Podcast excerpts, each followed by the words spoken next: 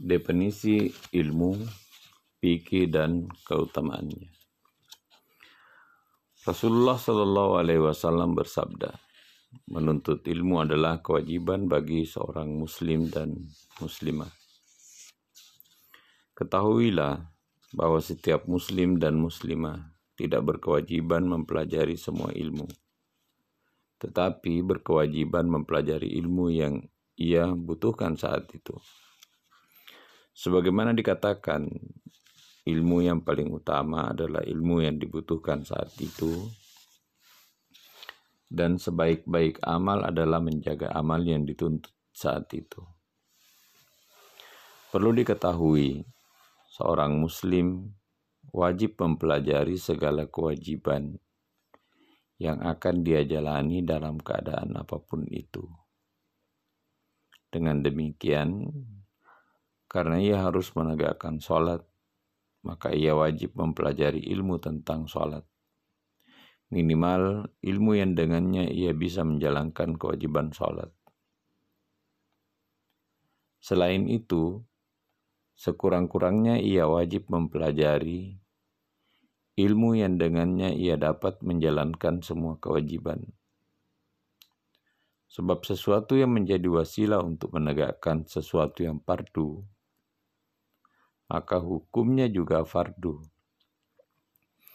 Demikian pula sesuatu yang menjadi wasilah untuk menegakkan sesuatu yang wajib, maka hukumnya juga wajib dipelajari. Begitu juga dalam perkara puasa, sakat. Jika ia memiliki harta dan haji, jika memang sudah wajib baginya, sama halnya dengan jual beli, jika ia memang orang yang berprofesi pedagang. Dikatakan kepada Muhammad bin Hasan, "Kenapa Anda tidak menulis kitab tentang zuhud?" Beliau menjawab, "Aku telah menulis satu kitab dalam bab jual beli." Maksudnya, orang yang suhud adalah orang yang selamat dari subhat-subhat dan hal-hal yang dimakruhkan dalam perdagangan. Begitu juga dalam semua bentuk muamalah dan pekerjaan. Dan siapa saja yang menyibukkan diri dengan salah satu darinya, maka ia wajib mempelajari ilmu yang dapat menjaga dirinya dari hal-hal yang haram. Diwajibkan pula baginya untuk mempelajari ilmu tentang hati, seperti tawakal, inabah, hasyah, dan ridho. Karena hal itu terjadi di setiap keadaan. Semua orang sudah tahu akan keutamaan ilmu, karena ilmu merupakan keistimewaan bagi manusia. Sebab semua sifat selain ilmu itu sama-sama dimiliki oleh manusia dan juga semua hewan, seperti sifat berani, nekat, kuat, dermawan, kasih sayang, dan lain sebagainya, kecuali ilmu. Dengan ilmu, Allah menunjukkan kemuliaan Adam atas malaikat dan Allah memerintahkan mereka untuk bersujud kepadanya. Ilmu menjadi mulia tak lain karena ia merupakan wasilah menuju kebaikan dan ketakwaan. Yang dengannya seseorang berhak mendapatkan kemuliaan di sisi Allah Subhanahu wa taala dan kebahagiaan yang abadi sebagaimana dikatakan kepada Muhammad bin al bin Al Hasan rahimahullah. Belajarlah karena ilmu adalah hiasan keutamaan dan alamat pujian bagi pemiliknya. Jadilah orang yang dapat mengambil manfaat setiap hari dengan cara menambah ilmu dan berenanglah di samudera kemanfaatan dalam ilmu fikih karena fikih adalah pemimpin terbaik untuk mengantarkan kepada kebaikan dan ketakwaan, sesuatu yang paling adil. Fikih adalah ilmu yang menunjukkan pada jalan hidayah. Ia benteng yang menyelamatkan dari segala malapetaka. Sungguh ahli fikih yang warak itu lebih berat bagi setan daripada seribu ahli ibadah. Demikian juga diwajibkan menuntut ilmu tentang seluruh ahlak seperti dermawan dan bahil, pengecut dan berani, sombong dan tawadu, menjaga harga diri, berlebih-lebihan, dan hemat, dan lain sebagainya. Karena sesungguhnya sombong, pengecut, dan berlebih-lebihan itu hukumnya haram, dan tidak mungkin seseorang selamat dari sifat-sifat itu kecuali setelah mengetahui ilmunya dan mengetahui sifat-sifat kebalikannya. Maka dari itu, setiap orang wajib mengetahuinya. Syekh Al-Imam Ash-Shahid Nasiruddin Abu Al-Qasim rahimahullah telah menulis satu bab dalam bidang akhlak dan alangkah bagus apa yang beliau tulis. Maka setiap muslim wajib mempelajarinya. Adapun mempelajari sesuatu yang terjadi sesekali, maka hukumnya adalah fardu kifayah. Apabila sebagian orang sudah melaksanakannya di suatu negeri, maka kewajiban itu gugur bagi sebagian yang lain. Namun jika di negeri itu tidak ada seorang pun yang melaksanakannya, maka semuanya berdosa. Seorang imam wajib memerintahkan kewajiban itu kepada mereka atau memaksa rakyat untuk melaksanakannya. Ada yang mengatakan sesungguhnya ilmu yang dibutuhkan oleh seorang pada semua keadaan kedudukannya seperti makanan yang setiap orang pasti membutuhkannya. Sementara ilmu yang dibutuhkan sesekali adalah ibarat obat yang dibutuhkan pada saat-saat tertentu. Adapun ilmu nujum atau astrologi adalah ibarat penyakit, sehingga tidak mempelajarinya adalah haram. Sehingga mempelajarinya adalah haram. Karena ia membahayakan dan tidak bermanfaat. Bukankah lari dari qadar dan kadar Allah itu tidak mungkin? Oleh sebab itu, hendaknya seorang muslim menyibukkan diri di semua waktunya dengan berzikir kepada Allah, berdoa, merendahkan diri di hadapan Allah, membaca Al-Quran, bersedekah, memohon ampunan dan kesehatan dari Allah di dunia maupun di akhirat, agar Allah menjaganya dari malapetaka dan bencana. Sesungguhnya orang yang diberi rezeki untuk berdoa, ia tidak terhalang dari pengabulan. Jika suatu bencana telah ditakdirkan, pasti akan menimpanya. Akan tetapi Allah akan memudahkan baginya dan memberikan rezeki kepadanya berupa kesabaran lantaran keberkahan doanya. Kecuali jika seseorang belajar ilmu nujum atau astronomi, sebatas untuk mengetahui arah kiblat dan waktu-waktu sholat, maka hal itu diperbolehkan. Adapun belajar ilmu kedokteran, maka diperbolehkan. Sebab ia adalah salah satu di antara sekian banyak faktor kesembuhan. Sehingga diperbolehkan untuk mempelajarinya. Sebagaimana faktor-faktor yang lainnya, Nabi pun pernah berobat. Dikisahkan dari Imam Syafi'i rahimahullah bahwasanya beliau berkata ilmu itu ada dua ilmu fikih untuk agama dan ilmu kedokteran untuk badan. Selain itu adalah hiasan majelis sifat yang dengannya seseorang mengetahui hakikat sesuatu secara jelas adalah sifat yang dimiliki seseorang yang tampak jelas tersingkap atau mudah dan ringan, apa yang disebutkan ilmu bagi orang yang memilikinya. Sementara fikih adalah proses atau usaha mengetahui ilmu yang detail. Abu Hanifah rahimahullah berkata, fikih adalah mengetahui apa yang bermanfaat bagi seseorang dan membahayakannya. Beliau berkata lagi, ilmu itu hanya untuk diamalkan.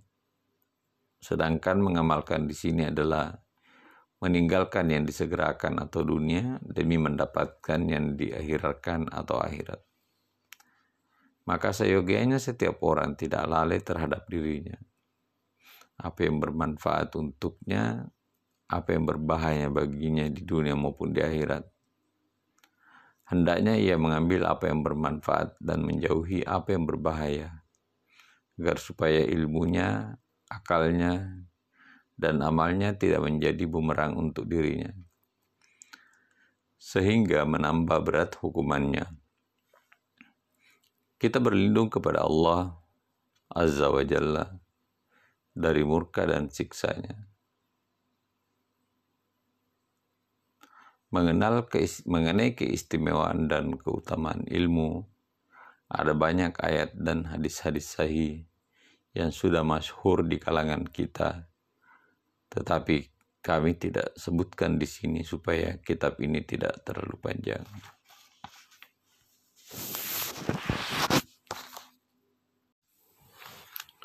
Bismillahirrahmanirrahim. Niat ketika belajar. Seorang muslim wajib memiliki niat ketika belajar. Karena niat merupakan dasar dari semua perbuatan. Hal ini berdasarkan sabda Nabi Muhammad Wasallam. Sesungguhnya amal-amal itu tergantung niatnya. Hadis sahih dari Rasulullah Shallallahu Alaihi Wasallam. Berapa banyak amalan yang terlihat sebagai amalan dunia, lalu menjadi amal akhirat karena niat yang baik, dan berapa banyak amalan terlihat sebagai amalan akhirat lalu menjadi amalan dunia karena niat yang buruk. Semestinya, seorang pelajar berniat menuntut ilmu karena mencari ridha Allah dan kehidupan akhirat, serta menghapus kebodohan dari dirinya dan dari segenap orang-orang bodoh, menghidupkan agama dan melanggengkan Islam sebab kelanggengan Islam adalah dengan ilmu. Suhud dan takwa tidak akan benar jika dibarengi dengan kebodohan. Asyikh Al-Imam Burhanuddin, pengarang Al-Hidayah berkata, Kerusakan besar muncul dari seorang alim yang tidak punya malu, lebih rusak lagi seorang bodoh yang ahli ibadah.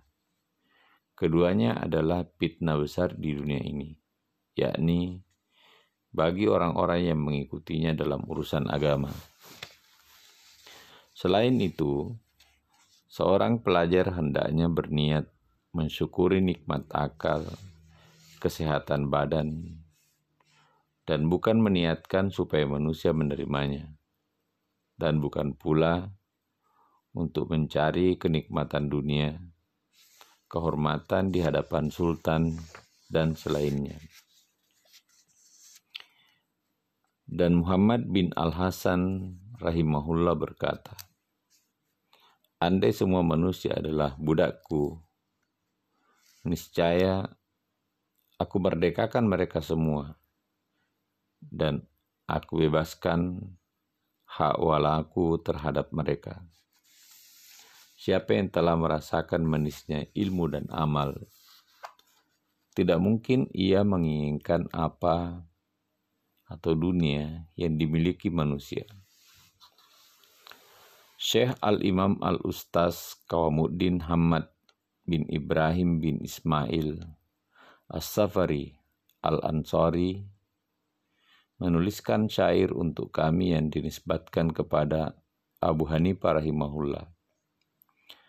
siapa yang menuntut ilmu untuk negeri akhirat, ia akan meraih keutamaan dari keistiqomahan dalam agama. Duhai, betapa meruginya orang-orang yang mencari ilmu karena ingin mendapat pujian dari manusia. Kecuali jika ia mengharapkan kekuasaan atau kedudukan untuk amar ma'ruf dan nahi mungkar. Memberikan hak kepada yang berhak untuk meluhurkan agama bukan untuk kepentingannya sendiri dan hawa nafsunya. Maka hal itu diperbolehkan sebatas ia dapat menegakkan amar ma'ruf dan nahi mungkar. Seyogianya seorang penuntut ilmu memperhatikan hal itu, sebab ia telah mempelajari ilmu dengan susah payah. Maka jangan sampai ia palingkan semua itu hanya untuk kepentingan dunia yang hina, sedikit dan panah.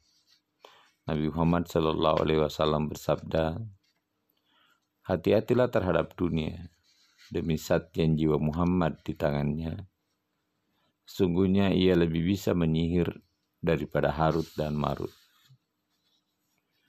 Dunia itu ia lebih sedikit dari yang sedikit. Pendambaannya lebih hina dari yang hina. Orang-orang menjadi tuli dan buta karena sihirnya. Mereka bingung tanpa pemandu.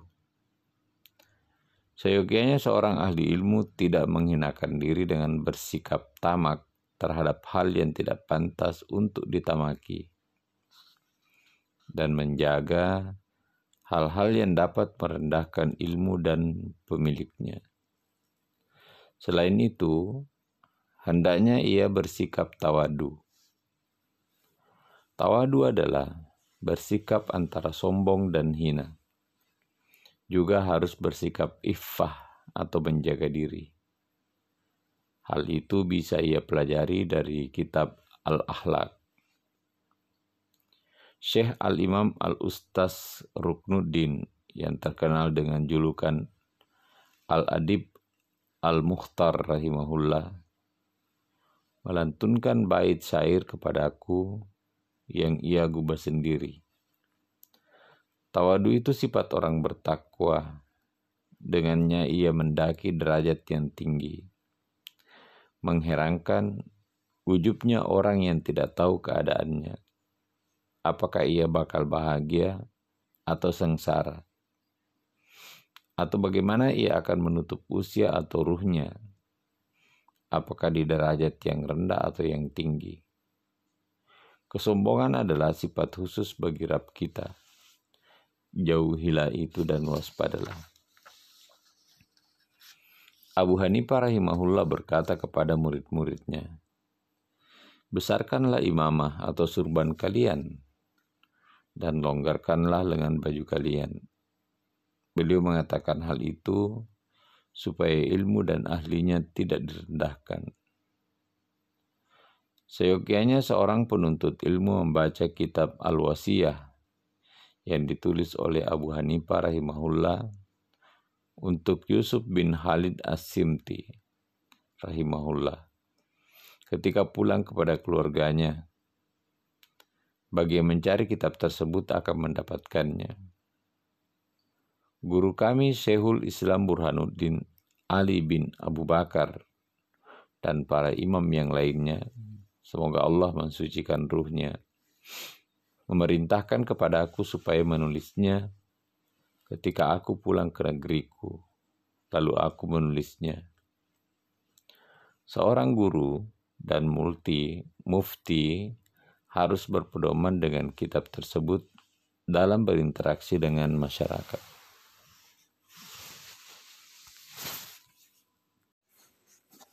Memilih ilmu guru, dan kesabaran dalam belajar. Seyogianya seorang penuntut ilmu memilih yang terbaik dari setiap ilmu.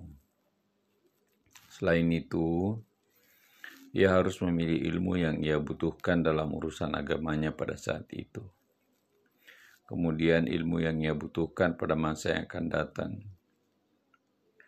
Tolibul ilmi harus mendahulukan ilmu tauhid dan ma'rifah dan mengenali Allah dengan dalil-dalilnya. Sebab keimanan seseorang mukallid meskipun sah, menurut pendapat kami, tetapi ia berdosa ketika meninggalkan istidlal. Di samping itu, ia harus memilih ilmu yang terdahulu atau al-atik, bukan ilmu yang baru atau al-muhdasat. Berpegang teguhlah dengan ilmu yang terdahulu dan jauhilah ilmu baru. Jangan sibuk dengan perdebatan yang mulai muncul setelah wafatnya para ulama kibar. Karena hal itu dapat menjauhkan dari pemahaman, menyia-nyiakan umur, menimbulkan sikap kegundahan, permusuhan, dan merupakan salah satu tanda-tanda hari kiamat serta diangkatnya ilmu dan fikih atau pemahaman. Begitulah yang disebutkan di dalam hadis. Adapun dalam memilih guru, seyogianya seorang penuntut ilmu memilih yang paling berilmu, paling wara, dan paling tua. Sebagaimana Abu Hanifah rahimahullah memilih Hamad bin Sulaiman rahimahullah setelah merenung dan memikirkannya. Ia berkata, Aku mendapatinya Hamad sudah tua, berwibawa, murah hati dan penyabar. Lalu beliau berkata lagi, Aku belajar kepada Hamad bin Abi Sulaiman hingga aku tumbuh. Lalu berkata lagi, Aku pernah mendengar salah seorang yang bijak dari Samarkan mengatakan, ada seorang penuntut ilmu meminta pertimbangan kepadaku tentang talabul ilmi. Sementara ia telah berniat pergi ke Bukhara untuk talabul ilmi. Begitulah seharusnya seseorang mesti meminta pertimbangan dalam segala urusan. Karena Allah Azza wa Jalla telah memerintahkan Rasulnya Muhammad Sallallahu Alaihi Wasallam untuk bermusyawarah dalam segala urusan. Padahal tidak ada orang yang melebihi kecerdasan beliau. Namun begitu beliau tetap diperintahkan untuk bermusyawarah. Beliau meminta pendapat dari sahabat-sahabatnya dalam segala urusan, hingga dalam urusan kebutuhan rumah tangga sekalipun. Ali rahimahullah berkata, Mahalaka muru'un am masyurah. Seseorang tidak akan celaka karena bermusyawarah.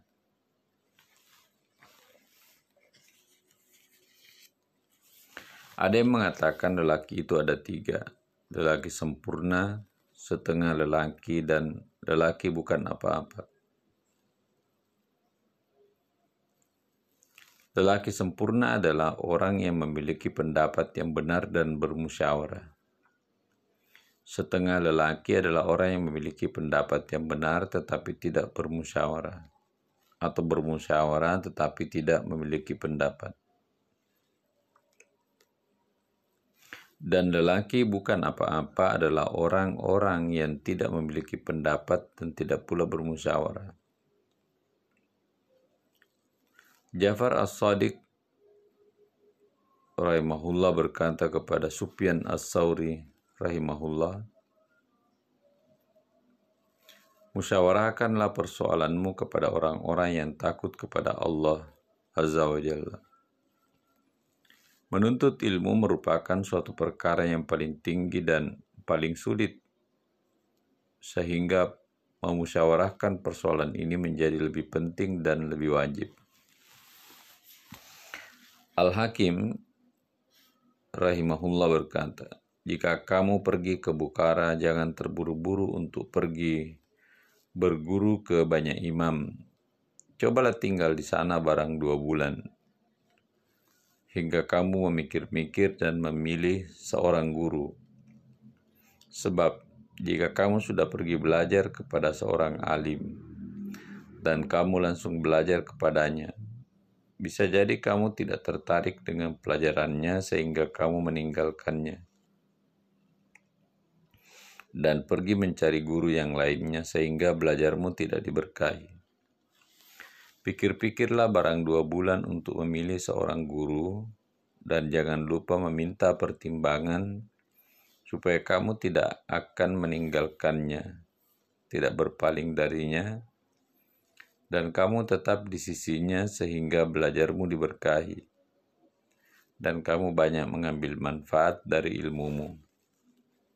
Ketahuilah bahwa kesabaran dan keteguhan adalah pondasi besar dalam segala urusan.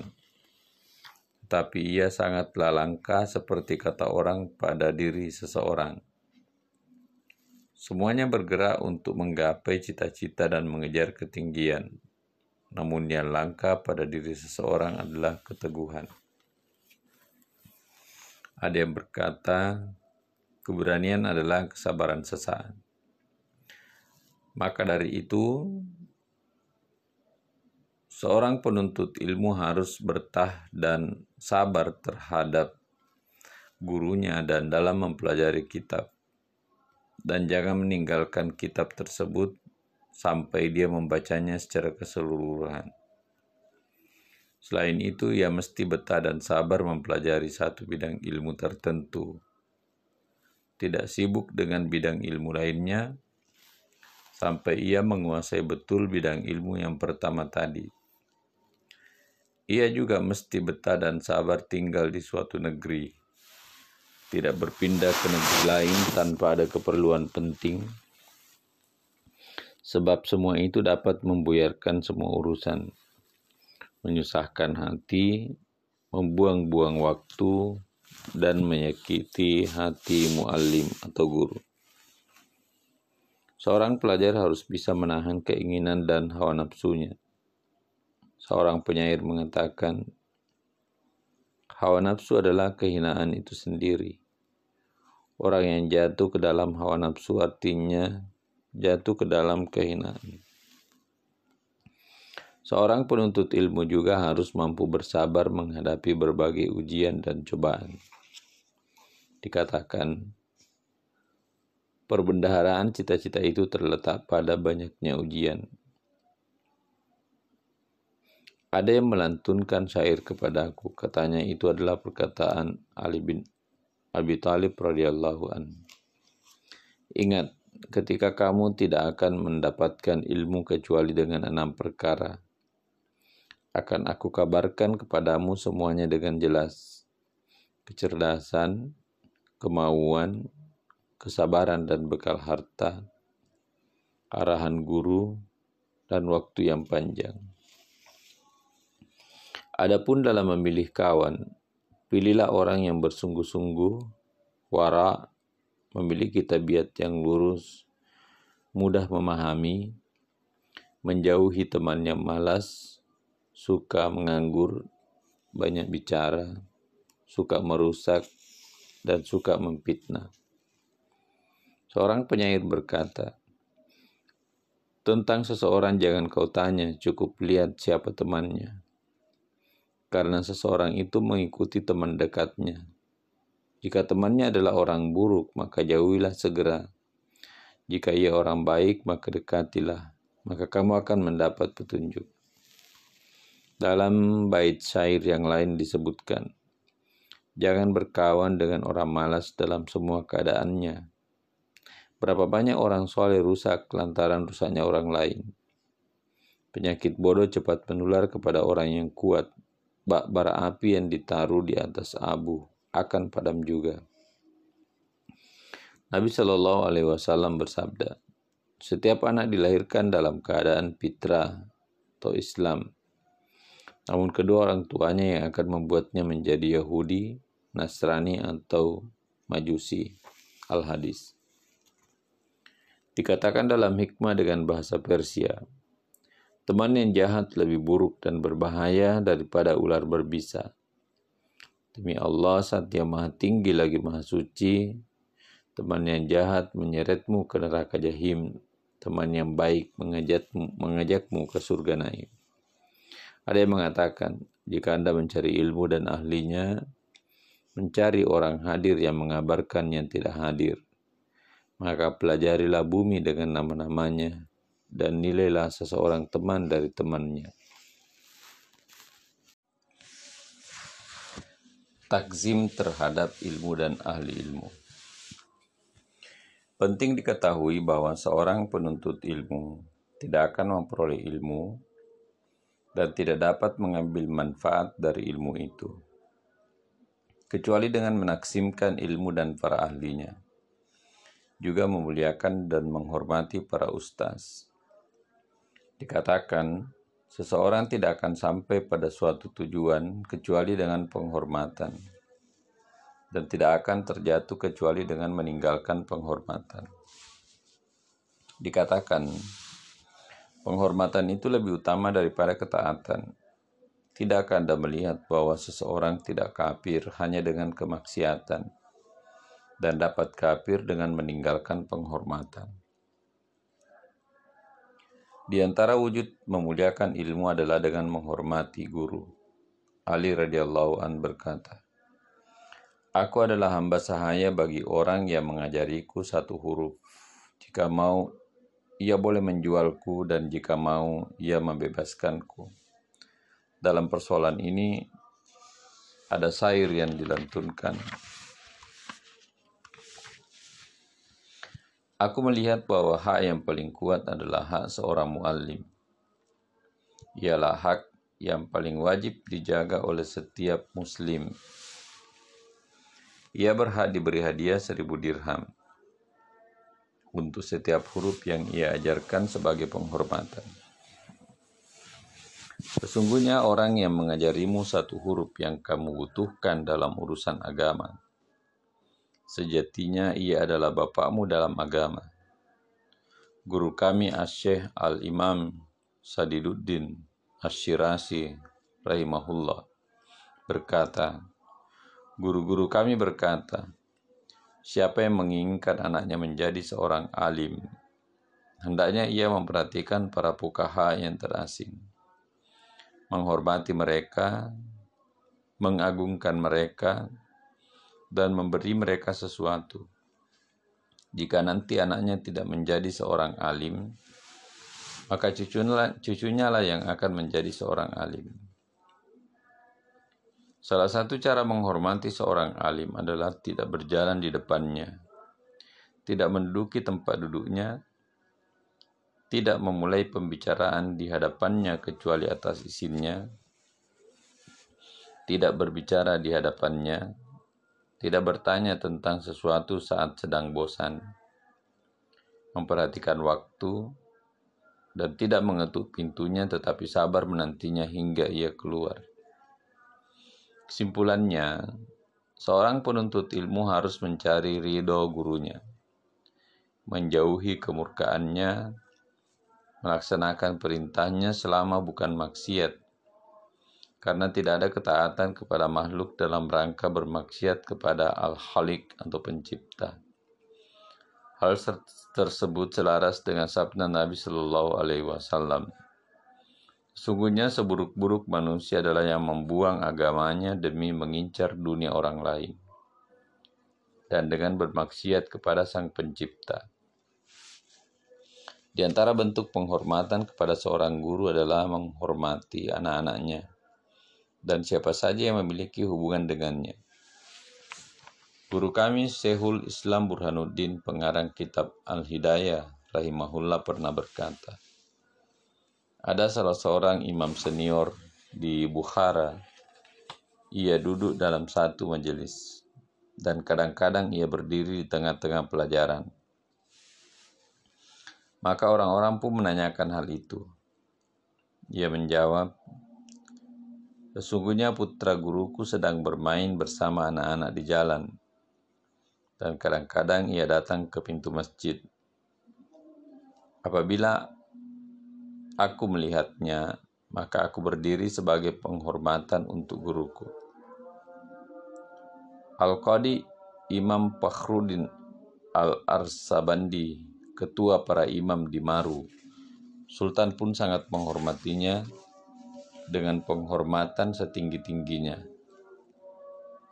Ia pernah berkata, "Sesungguhnya aku mendapatkan kedudukan ini dengan melayani guru. Dulu aku melayani guruku Al-Qadi Imam Abu Zaid Ad-Dabusi Aku menyiapkan makanannya dan tidak memakan darinya sedikit pun. Asyikh Imam yang mulia Syekhul Aimmah Al-Halwani rahimahullah pernah keluar dari Buhara dan tinggal di suatu desa beberapa hari. Karena suatu kejadian yang menimpanya, semua muridnya mengunjunginya kecuali Asyikh Al-Imam Al-Qadi Abu Bakar As-Saranjari rahimahullah. Maka ia bertanya kepadanya saat bertemu, Kenapa kamu tidak mengunjungiku? Ia menjawab, saya sibuk melayani ibu.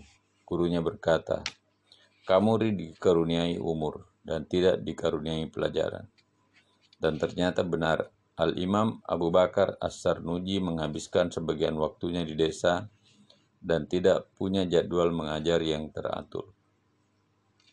Maka jika seorang guru tersakiti oleh muridnya, maka murid terhalang mendapatkan keberkahan ilmu dan ia tidak dapat mengambil manfaat dari ilmu itu kecuali hanya sedikit. Dalam sebuah syair dikatakan, Sesungguhnya guru dan dokter itu keduanya tidak akan memberikan nasihat jika tak dihormati. Tahanlah sakitmu jika kamu kasar terhadap dokter, dan nikmatilah kebodohanmu jika kamu kasar terhadap gurumu. Dikisahkan Khalifah Harun ar-Rashid pernah mengirim putranya kepada Al-Asma'i supaya diajari ilmu dan adab. Pada suatu hari, Khalifah melihat Al-Asma'i berwudu dan mencuci kakinya. Sementara putra Khalifah tadi ia menuangkan air ke kaki gurunya. Melihat hal itu, sang Khalifah langsung menegur Al-Asma'i dan berkata, Aku mengirim putraku supaya Anda mengajarkan ilmu dan adab kepadanya. Kenapa Anda tidak menyuruhnya menuangkan air dengan salah satu tangannya dan mencuci kaki Anda dengan tangan yang lain? Di antara wujud memuliakan ilmu adalah dengan memuliakan kitab.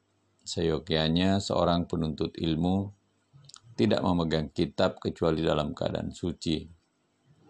Diceritakan dari Asyih Imam Syamsu al A'immah al-Halwani bahwasanya beliau pernah berkata, Sesungguhnya aku mendapatkan ilmu ini dengan bersikap hormat.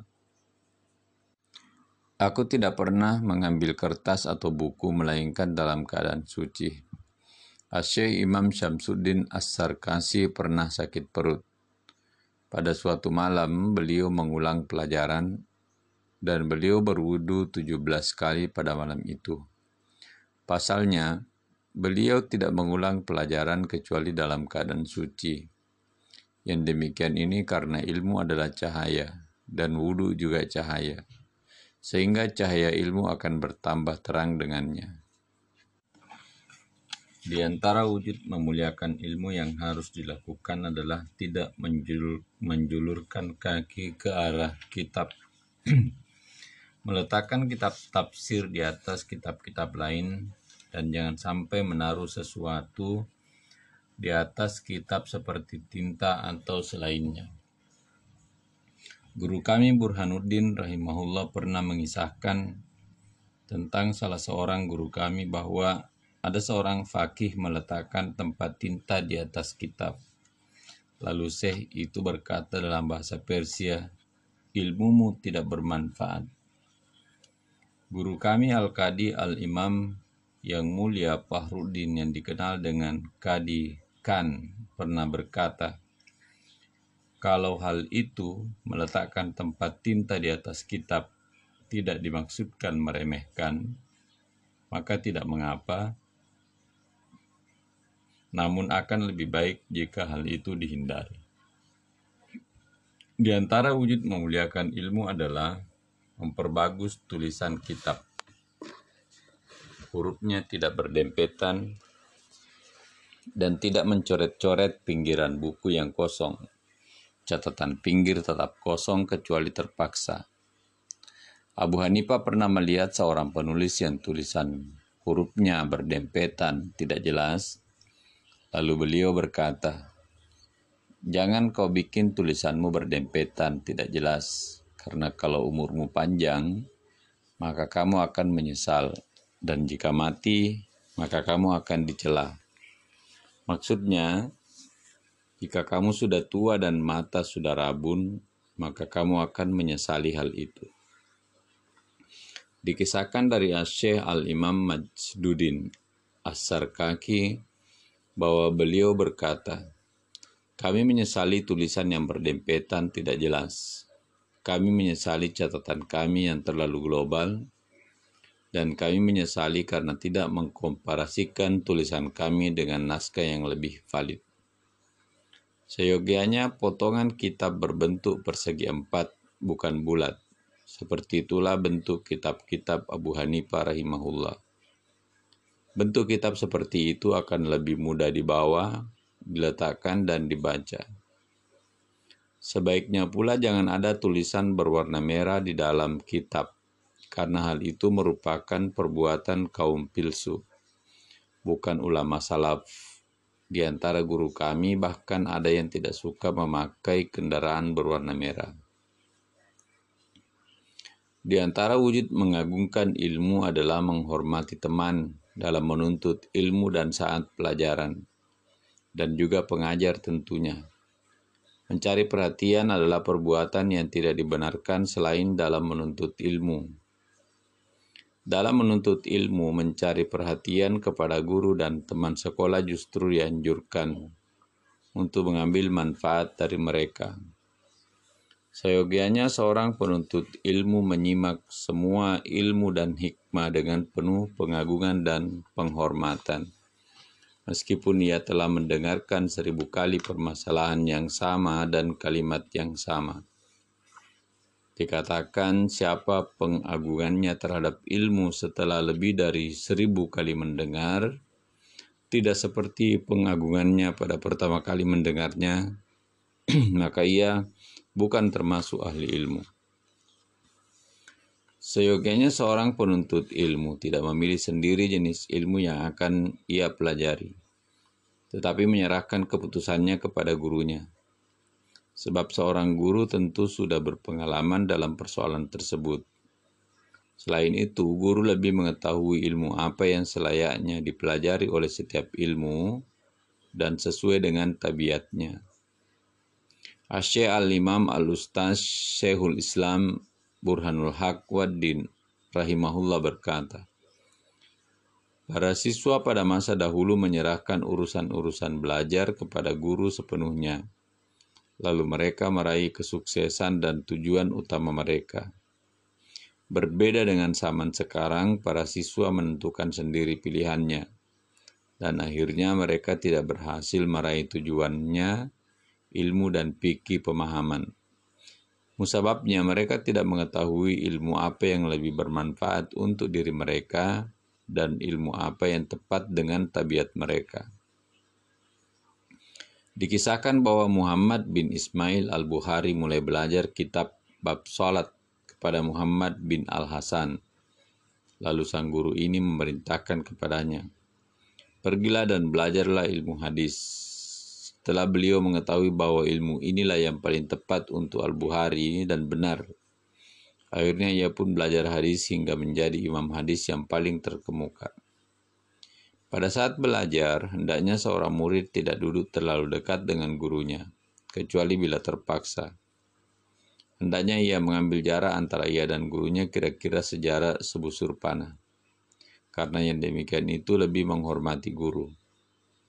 Seorang penuntut ilmu harus selalu menjaga diri dari ahlak-ahlak yang tercela, sebab ahlak yang buruk itu ibarat anjing. Rasulullah Shallallahu Alaihi Wasallam bersabda, malaikat tidak akan masuk rumah yang di dalamnya terdapat anjing atau gambar. Padahal orang belajar itu melalui perantara malaikat. Adapun tentang apa itu ahlak yang tercela dapat dipelajari dari kitab-kitab ahlak karena kitab ini tidak mencantumkan penjelasannya. Terutama yang harus dijauhi adalah sikap sombong, karena dengan kesombongan ilmu tidak bisa diraih. Dikatakan, ilmu adalah musuh bagi orang sombong, laksana air bah musuh bagi dataran tinggi. Diraih dengan kesungguhan bukan dengan harta bertumpuk. Bisakah kemuliaan diraih dengan harta tanpa semangat? Berapa banyak hamba sahaya menggantikan orang merdeka dan berapa banyak orang yang merdeka menggantikan hamba sahaya. Giat, rajin, dan semangat. Seorang penuntut ilmu harus giat, rajin, dan berkelanjutan dalam belajar. Hal ini seperti yang diisyaratkan dalam firman Allah Subhanahu wa taala, "Wahai Yahya, ambillah pelajaran atau kitab Taurat itu dengan sungguh-sungguh. Maryam 12. Juga firman Allah Azza wa Jalla. Dan orang-orang yang berjihad untuk mencari keridaan kami, kami akan tunjukkan kepada mereka jalan-jalan kami. Al-Ankabut ayat 69.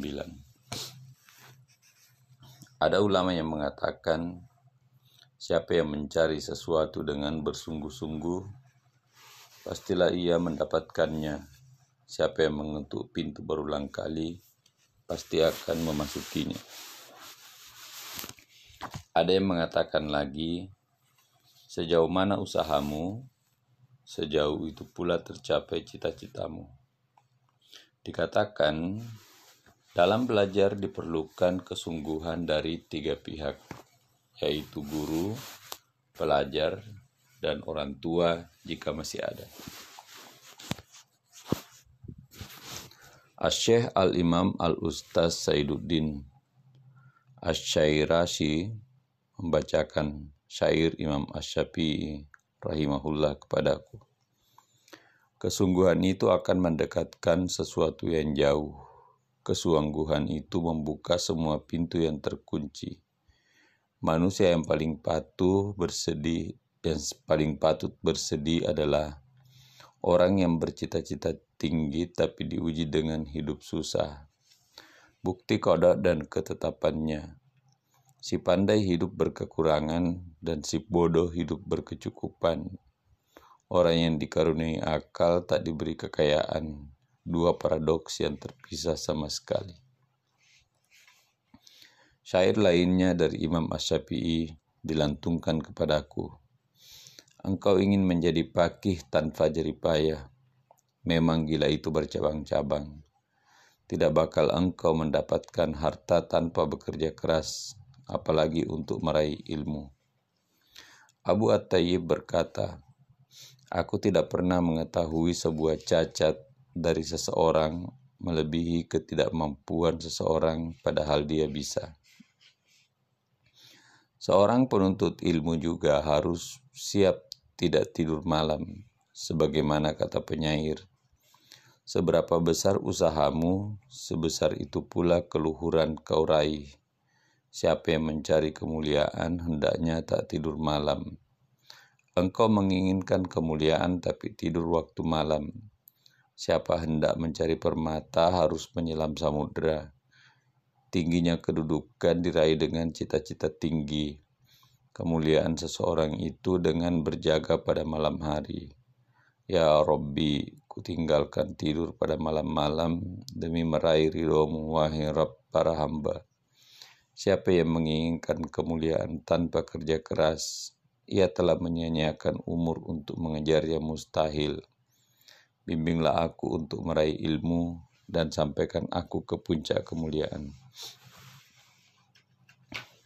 Dikatakan, jadikanlah malam sebagai unta tunggangan agar kau dapat meraih cita-cita. Pengarang kitab berkata, ada nasam yang semakna dengan syair-syair di atas. Siapa yang menginginkan semua cita-citanya tercapai, jadikanlah malamnya sebagai unta kendaraan untuk mengejarnya. Kurangilah makanmu agar kau mampu berjaga, bila kau idamkan kesempurnaan, wahai saudaraku. Dan dikatakan, siapa yang terjaga pada malam hari, hatinya bahagia pada siang hari. Seorang penuntut ilmu harus rajin belajar dengan mengulangi pelajaran pada awal dan akhir waktu malam, sebab pada waktu antara maghrib dan isya, demikian pula pada waktu sahur adalah waktu yang diberkahi. Dan dikatakan pula, Wahai para pelajar, lazimilah sifat wara, jauhi tidur dan perut kenyang, langgengkan belajar, jangan kau tinggalkan karena dengan belajar didapatkan dan bertambah. Selain itu, seorang penuntut ilmu harus memanfaatkan betul masa-masa dan gairah mudanya. Sebagaimana disebutkan dalam sebuah syair. Sekuat apa usahamu, senilai itu pula keinginanmu diberikan. Siapa yang hendak meraih cita-cita, ia bangun pada malam hari. Manfaatkanlah masa-masa mudamu dan ingatlah masa muda itu tak abadi. Seorang penuntut ilmu tidak boleh memaksakan diri di luar kemampuannya, karena hal itu akan melemahkan jiwa hingga berhenti belajar. Namun dia harus bersikap bijaksana arifku, sebab arifku perlahan-lahan atau hati-hati adalah pondasi segala hal. Rasulullah Shallallahu Alaihi Wasallam bersabda, Ingat, sesungguhnya agama Islam ini kokoh, maka jalankanlah dengan bijaksana dan jangan kau buat ibadah kepada Allah itu tak disukai oleh jiwamu karena orang yang telah terhenti di tengah perjalanan itu tak bisa lagi menempuh perjalanan di muka bumi dan tiada pula kendaraan yang ditungganginya. Rasulullah Shallallahu Alaihi Wasallam bersabda, jiwamu adalah kendaraanmu, maka santunlah padanya. Seorang penuntut ilmu harus memiliki cita-cita yang tinggi dalam menuntut ilmu, karena seorang itu terbang dengan cita-citanya, seperti burung yang terbang dengan kedua sayapnya. Abu At-Tayyib berkata, Sebesar apa kita bercita-cita, sebesar itulah yang akan kita dapat. Seberapa besar kedermawanan seseorang, sebesar itu pahala yang akan dia dapat. Perkara kecil akan tampak besar di mata orang kecil, dan perkara besar akan tampak kecil di mata orang besar. Bersemangatlah meraih semua ilmu, niscaya kau raih kesempurnaan. Jangan hanya berhenti pada satu ilmu karena malas. Lebah hinggap di semua buah-buahan. Jangan hanya mengetahui satu kebenaran, ada lilin, ada madu. Lilin punya sinar yang menerangi, dan madu punya obat bagi kesembuhan penyakit. Wahai para penuntut ilmu, engkau adalah paris, penunggang kuda, sedangkan selainmu adalah pejalan kaki, dan ilmumu adalah penjaga. Manusia akan dikumpulkan dalam keadaan telanjang pada hari kiamat, sedangkan engkau berpakaian dengan cahaya ilmu. Segala sesuatu diberi mimbar, sedang orang berilmu duduk di bawah ars. Wahai para penuntut ilmu, lasimilah sifat wara, jauhi tidur dan tinggalkan kenyang. Wahai para penuntut ilmu, bersungguh-sungguhlah pada waktu malam dan siang, karena meraih ilmu itu harus dengan kesungguhan dan pengulangan. Segala sesuatu memiliki bencana, dan bencana ilmu adalah meninggalkan kesungguhan dan tidak mengulang. Modal untuk meraih segala sesuatu adalah kesungguhan dan semangat yang kuat. Siapa yang bercita-cita menghafalkan seluruh kitab Muhammad Ibnul Hasan rahimahullah, disertai usaha yang sungguh-sungguh dan tak kenal menyerah, maka jelas ia akan bisa menghafal sebagian besar atau separuhnya. Demikian pula sebaliknya, bila semangatnya kuat tapi tidak ada kesungguhan atau bersungguh-sungguh tetapi tidak ada semangat yang kuat, maka sedikit pula ilmu yang ia dapatkan. Di dalam kitab Makarim Al-Ahlak, Syekh Al-Imam Al-Ustaz Radiyuddin An-Naisaburi rahimahullah mengatakan bahwa Sulkarnain dikala berkehendak menaklukkan dunia timur dan barat. Beliau bermusyawarah dengan para hukama atau orang-orang bijak dan berkata, Bagaimana saya harus pergi untuk memperoleh kekuasaan dan kerajaan ini? Padahal dunia ini hanya sedikit nilainya dan kekuasaannya hina. Ini berarti bukan cita-cita luhur. Para hukama menjawab, pergilah demi mendapatkan kekuasaan dunia dan akhirat.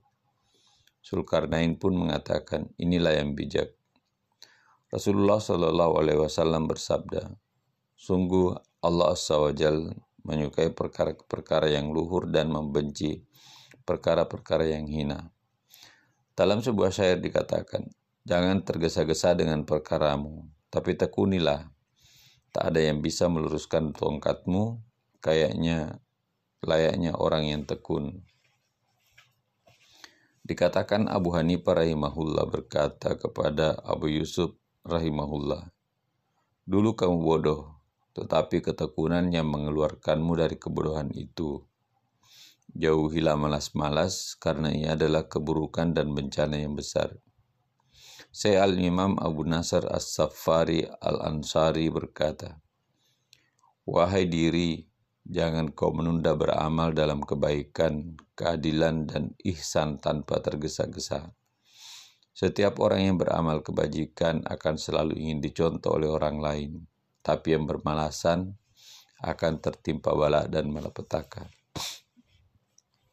Penulis Rahimahullah berkata, saya setuju dengan makna syair berikut. Wahai diri, jangan bermalas-malasan dan menunda urusan jika tidak tetap tinggal di jurang kehinaan. Tak pernah kulihat para pemalas mendapat keuntungan, selain sesal dan keinginan yang tak terwujud. Disebutkan dalam syair yang lain, betapa banyak rasa malu, lemah, dan sesal menimpa manusia karena malas. Buanglah malas untuk membahas yang belum jelas, segala yang kau tahu dan yang masih ragu akibat malas. Dikatakan sikap malas itu timbul akibat jarang menghayati kemuliaan dan keutamaan ilmu. Hendaklah seorang muta'alim, pelajar, bekerja keras untuk meraih ilmu, giat dan rajin menghayati keutamaan-keutamaan ilmu. Karena ilmu akan tetap terjaga dengan terjaganya pengetahuan. Sedangkan harta akan sirna sebagaimana kata Amirul Mukminin Ali bin Abi Thalib radhiyallahu an kami rela pembagian Allah untuk kami ilmu untuk kami harta buat musuh kami karena harta akan sirna dalam waktu dekat namun ilmu akan abadi tak bisa disirnakan. Ilmu yang bermanfaat akan mengharumkan nama pemiliknya dan itu akan berkelanjutan setelah ia meninggal. Sungguh itulah kehidupan yang abadi. Yang mulia Syekh Al-Imam Zahiruddin, mufti para imam Al-Hasan bin Ali Al-Marginani, membawakan syair untuk kami. Orang-orang bodoh itu sudah mati sebelum kematiannya, dan orang-orang alim itu tetap hidup meskipun sudah mati. Syekhul Islam Burhanuddin juga melantunkan syairnya. Kebodohan adalah kematian sebelum kematian pemiliknya. Jasad mereka adalah kuburan sebelum dikuburkan Orang yang hidup tanpa ilmu ibarat orang mati. Tidak ada lagi kebangkitan baginya pada hari kebangkitan. Dikatakan lagi, orang berilmu itu hidup kekal setelah kematiannya. Ruas tubuhnya hancur lebur di timbun tanah. Dan orang bodoh adalah mayit meskipun berjalan di atas tanah. Dikira hidup nyatanya ia seperti tidak ada. Dikatakan hidupnya hati adalah dengan ilmu maka carilah, dan matinya hati dengan kebodohan maka jauhilah. Dikatakan pula ilmu adalah mahkota bagi pemuda, akal adalah bandar emas, ilmu adalah cahaya yang dinyalakan, kebodohan adalah api yang menyala-nyala. Syekhul Islam Burhanuddin membawakan sebuah syair buat kita. Ilmu menempati kedudukan yang tertinggi, kalau lainnya meninggi bila, bila banyak anak buah. Orang berilmu itu namanya harum berlipat-lipat. Orang bodoh begitu mati ditimbun tanah. Mustahil kemuliaan ulama tak bakal diraih oleh para raja dan komandan pasukan kuda. Coba dengar, akan kudektekan sedikit saja kepadamu. Meski aku tidak mampu menyebutkan semua kemuliaan ilmu, ia adalah cahaya, cahaya yang dapat menerangi orang buta. Tapi si bodoh sepanjang masa dalam kegelapan, ialah puncak tertinggi. Pelindung siapa yang berlindung, dengannya ia berjalan aman dari segala aral melintang. Juru penyelamat di kala manusia terjerat tipu, harapan manis kala nyawa diambang pintu. Dengannya orang-orang durhaka meminta bantuan agar tidak masuk neraka seburuk-buruk pembalasan. Siapa mengharap ilmu berarti menapaki segala tingkatannya. Dan siapa yang telah mendapatkan ilmu, ia telah mendapatkan segalanya. Wahai kaum berakal, ilmu itu pangkat kemuliaan. Bila telah kau dapat, anggap enteng pangkat selainnya. Bila engkau kehilangan dunia dengan segala nikmatnya, pejamkan mata, cukuplah ilmu anugerah paling berharga. Syair para ulama dibawakan untukku, jikalau seseorang alim menjadi mulia karena ilmu, maka ilmu fikih lebih pantas mendatangkan kemuliaan. Berapa banyak aroma wangian semerbak tapi tak seperti mis. Berapa banyak burung terbang tapi tak seperti Raja Wali. Dibawakan lagi bait syair lainnya untukku. Piki itu ilmu termahal yang kau kumpulkan. Siapa belajar piki tiada habis kebanggaannya. Curahkan kemampuanmu untuk mempelajari yang belum kau tahu. Kesungguhan mencari ilmu itu dari awal hingga akhir. Cukuplah kelesatan ilmu, fikih, dan kepahaman yang menjadi pendorong dan motivasi bagi orang berakal. Sifat malas itu bisa timbul karena banyak lendir dahak dan badan yang lembab. Adapun cara mengurangi dahak itu sendiri adalah bisa dilakukan dengan cara mengurangi makan. Ada yang mengatakan ada 70 nabi sependapat bahwa sering lupa itu akibat dahak terlalu banyak. Dahak terlalu banyak karena minum terlalu banyak dan biasanya minum terlalu banyak itu disebabkan makan yang terlalu banyak pula. Makan roti kering dapat menghilangkan dahak. Begitu juga memakan kismis di saat perut kosong dapat juga mengurangi air liur. Namun jangan terlalu banyak agar tidak mengakibatkan ingin minum, yang kesudahannya memperbanyak lendir dahak pula. Bersiwak juga dapat mengurangi dahak, di samping dapat memperlancar hafalan dan kepasihan lisan. Ia termasuk sunnah Nabi yang ditekankan yang bisa memperbesar pahala ibadah sholat dan membaca Al-Quran. Selain itu, muntah juga dapat mengurangi lendir dahak dan mengurangi kelembaban badan. Adapun cara mengurangi makan bisa dilakukan dengan cara menghayati manfaat-manfaat dari sedikit makan. Manfaat yang dimaksud antara lain badan sehat, lebih terjaga dari yang haram, dan berarti pula ikut mendahulukan orang lain. Dalam hal ini ada syair yang berbunyi hina, hina, dan hina.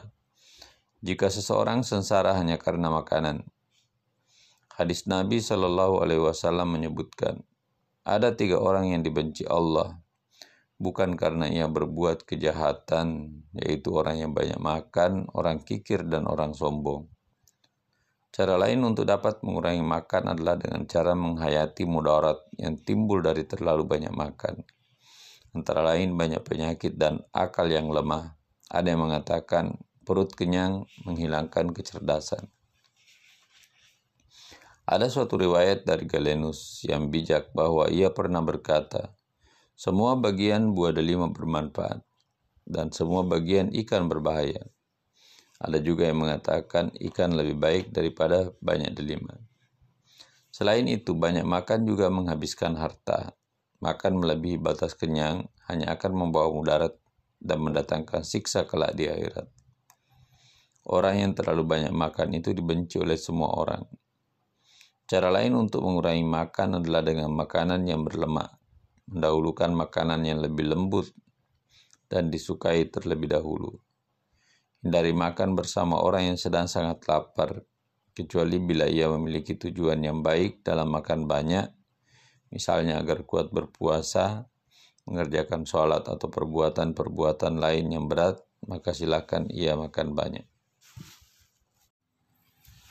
Memulai belajar ukuran dan urutannya. Guru kita Syekh Al-Imam Burhanuddin rahimahullah menetapkan bahwa waktu untuk memulai belajar adalah pada hari Rabu.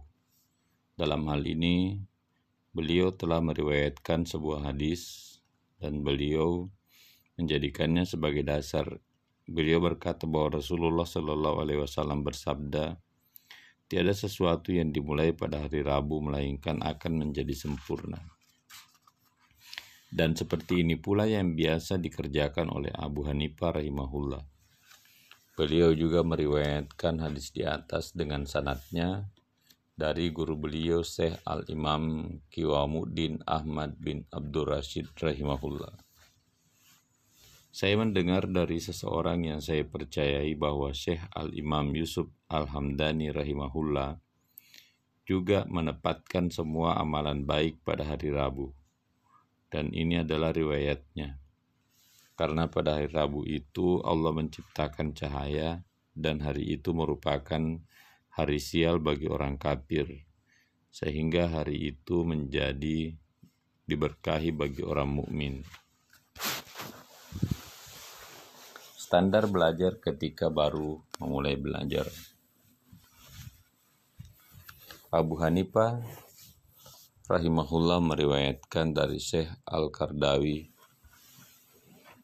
Al-Imam Umar bin Abu Bakar As-Saran Jari rahimahullah bahwa ia berkata, Guru-guru kami mengatakan, sebaiknya standar bagi orang yang baru mulai belajar adalah sekira ia mampu memahami pelajaran dengan mengulangi dua kali.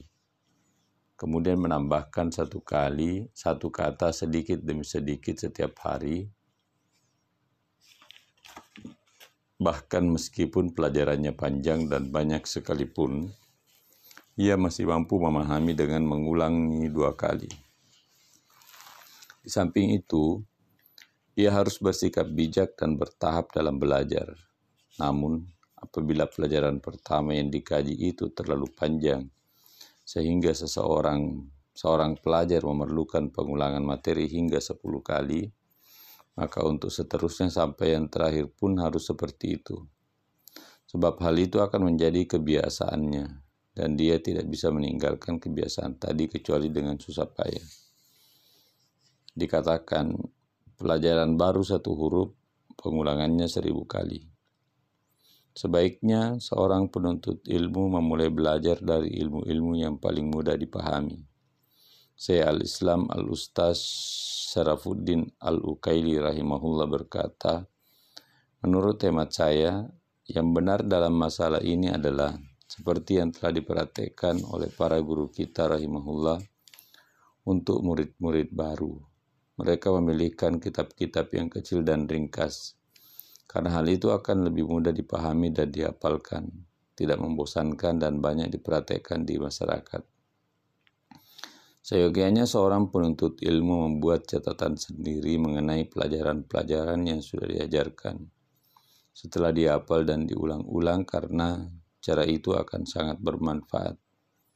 Selain itu, ia jangan sampai menulis sesuatu yang tidak ia pahami, karena hal ini akan menyebabkan akal tumpul, menghilangkan kecerdasan, dan membuang-buang waktu.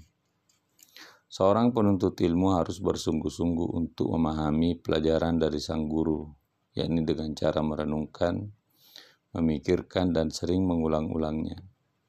Sebab apabila pelajaran yang baru itu masih sedikit, sering diulang-ulang dan direnungkan, maka akan dapat dimengerti dan dipahami.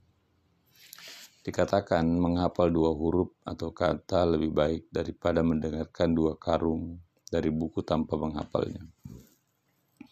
Dan memahami dua, harap, dua huruf atau kata lebih baik daripada menghafal dua karung dari buku. Apabila seorang penuntut ilmu pernah mengabaikan pemahaman dan tidak mau berusaha satu atau dua kali, maka itu akan menjadi kebiasaan Dunia pun tidak bisa memahami kalimat yang mudah sekalipun, dan ia pun tidak bisa memahami kalimat yang mudah sekalipun. Maka dari itu hendaknya ia tidak mengabaikan pemahaman, akan tetapi ia harus bersungguh-sungguh memahaminya.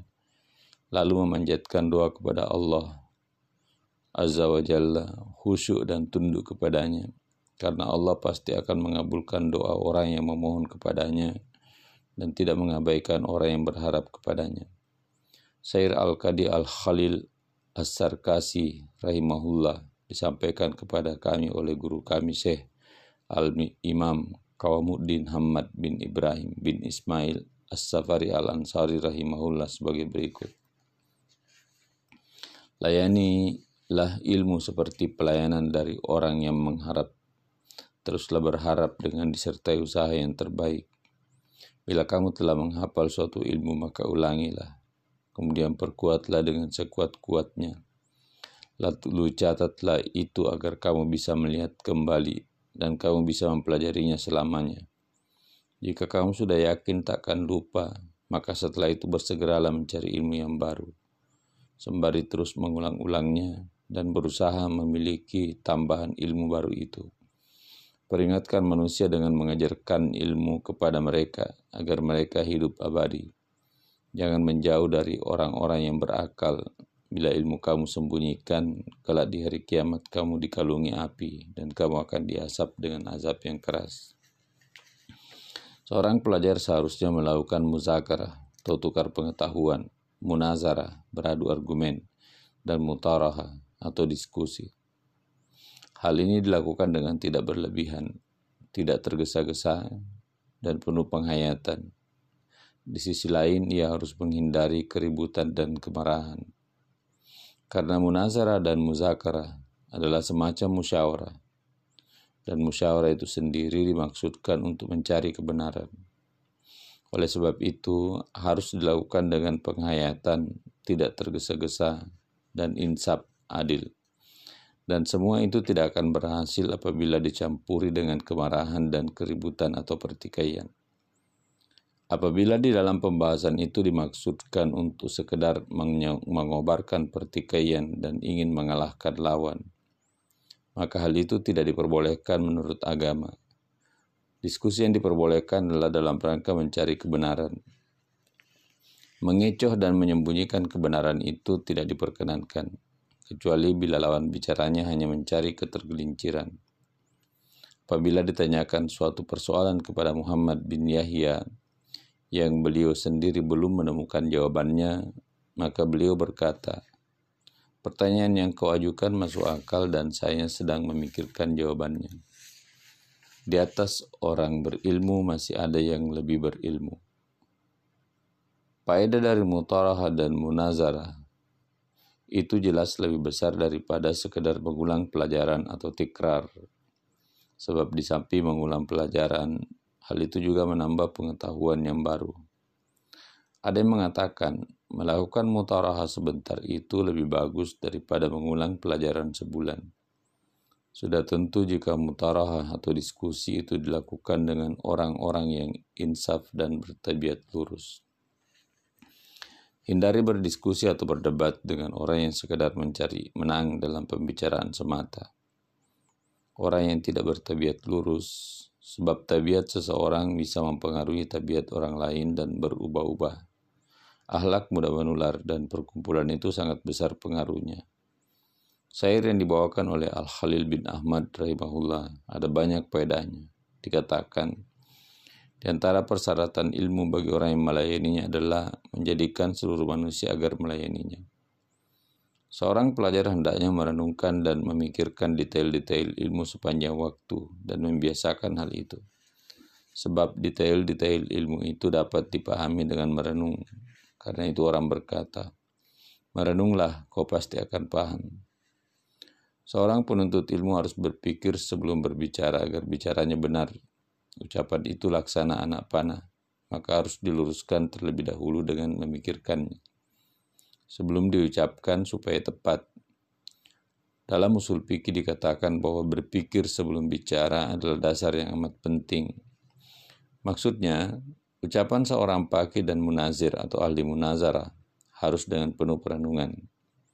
Dikatakan Puncak akal adalah perkataan harus diucapkan dengan penuh kehati-hatian dan disertai perenungan. Seseorang berkata, Kunasihatkan kepadamu untuk menata ucapan dengan lima perkara. Jika engkau patuh kepada pemberi nasihat yang tulus, yaitu jangan sampai lupa apa sebab perkataan dan kapan waktunya. Bagaimana caranya, berapa panjangnya, dan di mana tempatnya, itulah semuanya.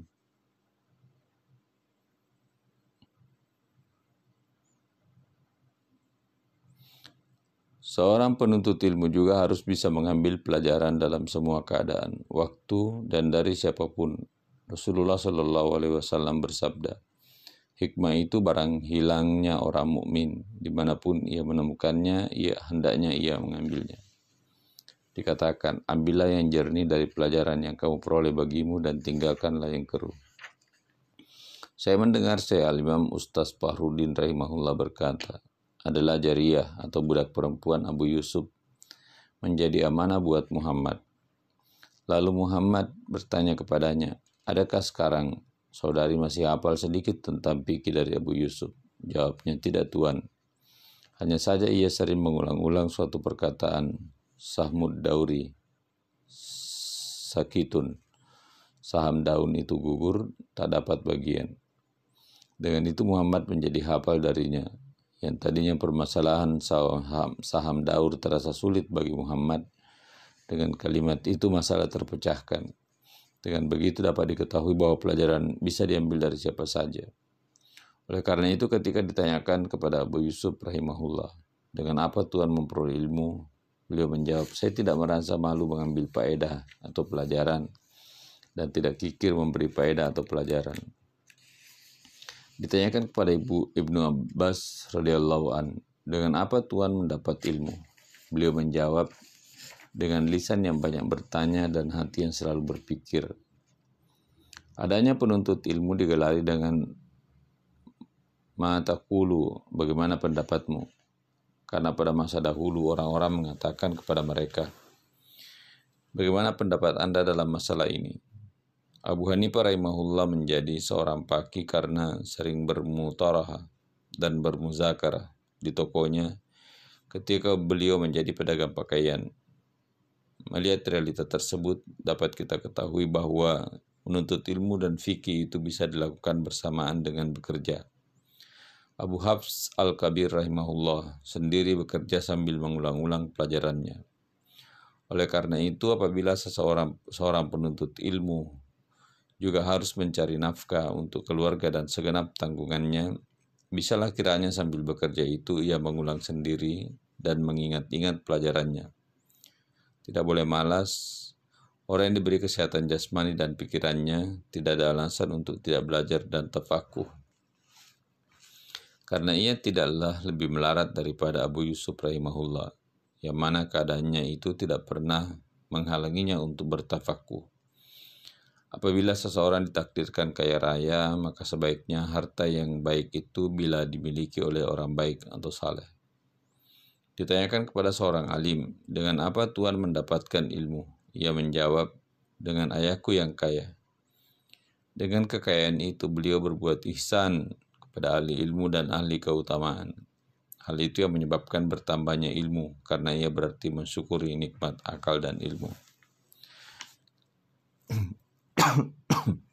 Dikatakan bahwa Abu Hanifah rahimahullah berkata, Aku mendapatkan ilmu dengan mengucap hamdalah dan bersyukur setiap aku berhasil memahami pikir dan hikmah.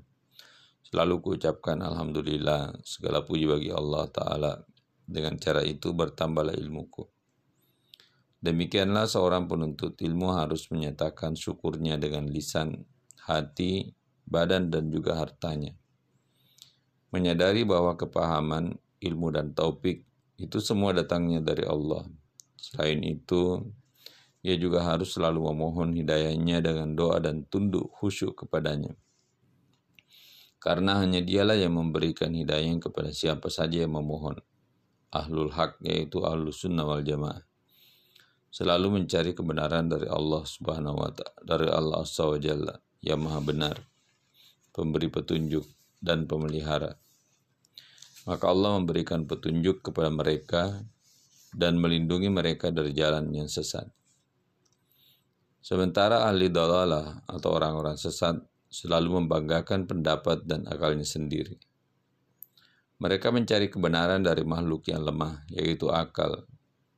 Karena akal tidak mampu mengetahui segala sesuatu, seperti pandangan mata yang tidak mampu melihat semua hal mereka terhalang dari kebenaran, tidak mampu memahami, sesat dan menyesatkan. Rasulullah Shallallahu Alaihi Wasallam bersabda, orang lalai adalah orang yang mengamalkan kelalaiannya, dan orang berakal adalah orang yang beramal dengan akalnya.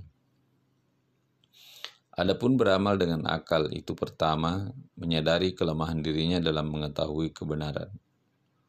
Rasulullah Shallallahu Alaihi Wasallam bersabda, Siapa yang mengetahui dirinya sendiri, maka ia telah mengetahui Rabnya. Apabila sudah mengetahui akan kelemahan dirinya, maka ia akan mengetahui kekuasaan Allah Azza. Karena itu, ia tidak akan bersandar kepada diri dan akalnya sendiri, tetapi ia akan bertawakal kepada Allah Azza dan mencari kebenaran darinya. Siapa yang bertawakal kepada Allah, maka akan dicukupinya. Dan barang siapa yang bertawakal kepada Allah, niscaya Allah akan mencukupkan keperluannya. Al-Quran Surah At-Talaq ayat 3 dan dibimbing ke jalan yang lurus. Maka dari itu siapa yang diberi harta janganlah kikir dan hendaknya ia memohon perlindungan kepada Allah Ta'ala agar tidak kikir. Nabi Shallallahu Alaihi Wasallam bersabda, penyakit apakah yang lebih parah daripada sifat kikir? Ayahnya Syekh Al-Imam Syamsu Al-Aimah Al-Hulwani adalah seorang fakir, penjual manisan. Ayahnya menghadiahkan beberapa manisan tersebut kepada para pukaha dan berkata, Kumohon Tuhan mendoakan putraku. Lantaran berkah dari kedermawanannya, keyakinannya, dan ketundukannya kepada Allah itu, maka sang putra berhasil meraih apa yang telah ia raih, atau kesuksesan. Seyogianya seorang penuntut ilmu membeli kitab dengan hartanya sendiri dan menyewa orang lain untuk menuliskan baginya ilmu, sehingga hal itu akan memudahkannya dalam belajar dan bertafakuh. Muhammad bin Al-Hasan rahimahullah adalah orang yang memiliki banyak harta, yang mempunyai 300 orang pegawai untuk mengurusi kekayaannya, maka ia membelanjakan semua kekayaannya demi ilmu dan fikih hingga tidak tertinggal satu pakaian pun yang bagus. Lalu Abu Yusuf melihatnya mengenakan pakaian yang telah usang. Maka ia mengirimkan sepotong pakaian yang bagus untuknya. Tapi ia tidak berkenan menerimanya dan berkata, Disegerakan untuk kalian dan diakhirkan untuk kami atau di akhirat saja. Bisa jadi beliau tidak mau menerimanya. Sekalipun menerima hadiah itu hukumnya sunnah, karena beliau memandang hal itu dapat mencemarkan bagi dirinya. Dalam hal ini Rasulullah Shallallahu Alaihi Wasallam bersabda, tidaklah seorang mukmin itu menghinakan dirinya sendiri. Diceritakan bahwa Asyik Al-Imam Fahru Al-Islam Al-Arsabandi rahimahullah mengumpulkan kulit-kulit semangka yang telah dibuang di tempat-tempat sepi dan memakannya. Rupanya ada seorang jariah atau budak perempuan yang melihatnya. Lalu ia melaporkan hal itu kepada tuannya. Lalu tuan itu menyiapkan untuknya suatu jamuan dan mengundang Fahru al-Islam untuk hadir. Namun, beliau tidak berkenan menghadiri jamuan tersebut. Demikianlah para pelajar hendaknya yang memiliki cita-cita yang luhur tidak tamak mengharapkan harta orang lain. Nabi Shallallahu Alaihi Wasallam bersabda, Jauhilah sifat tamak, karena ia adalah kemiskinan yang hadir.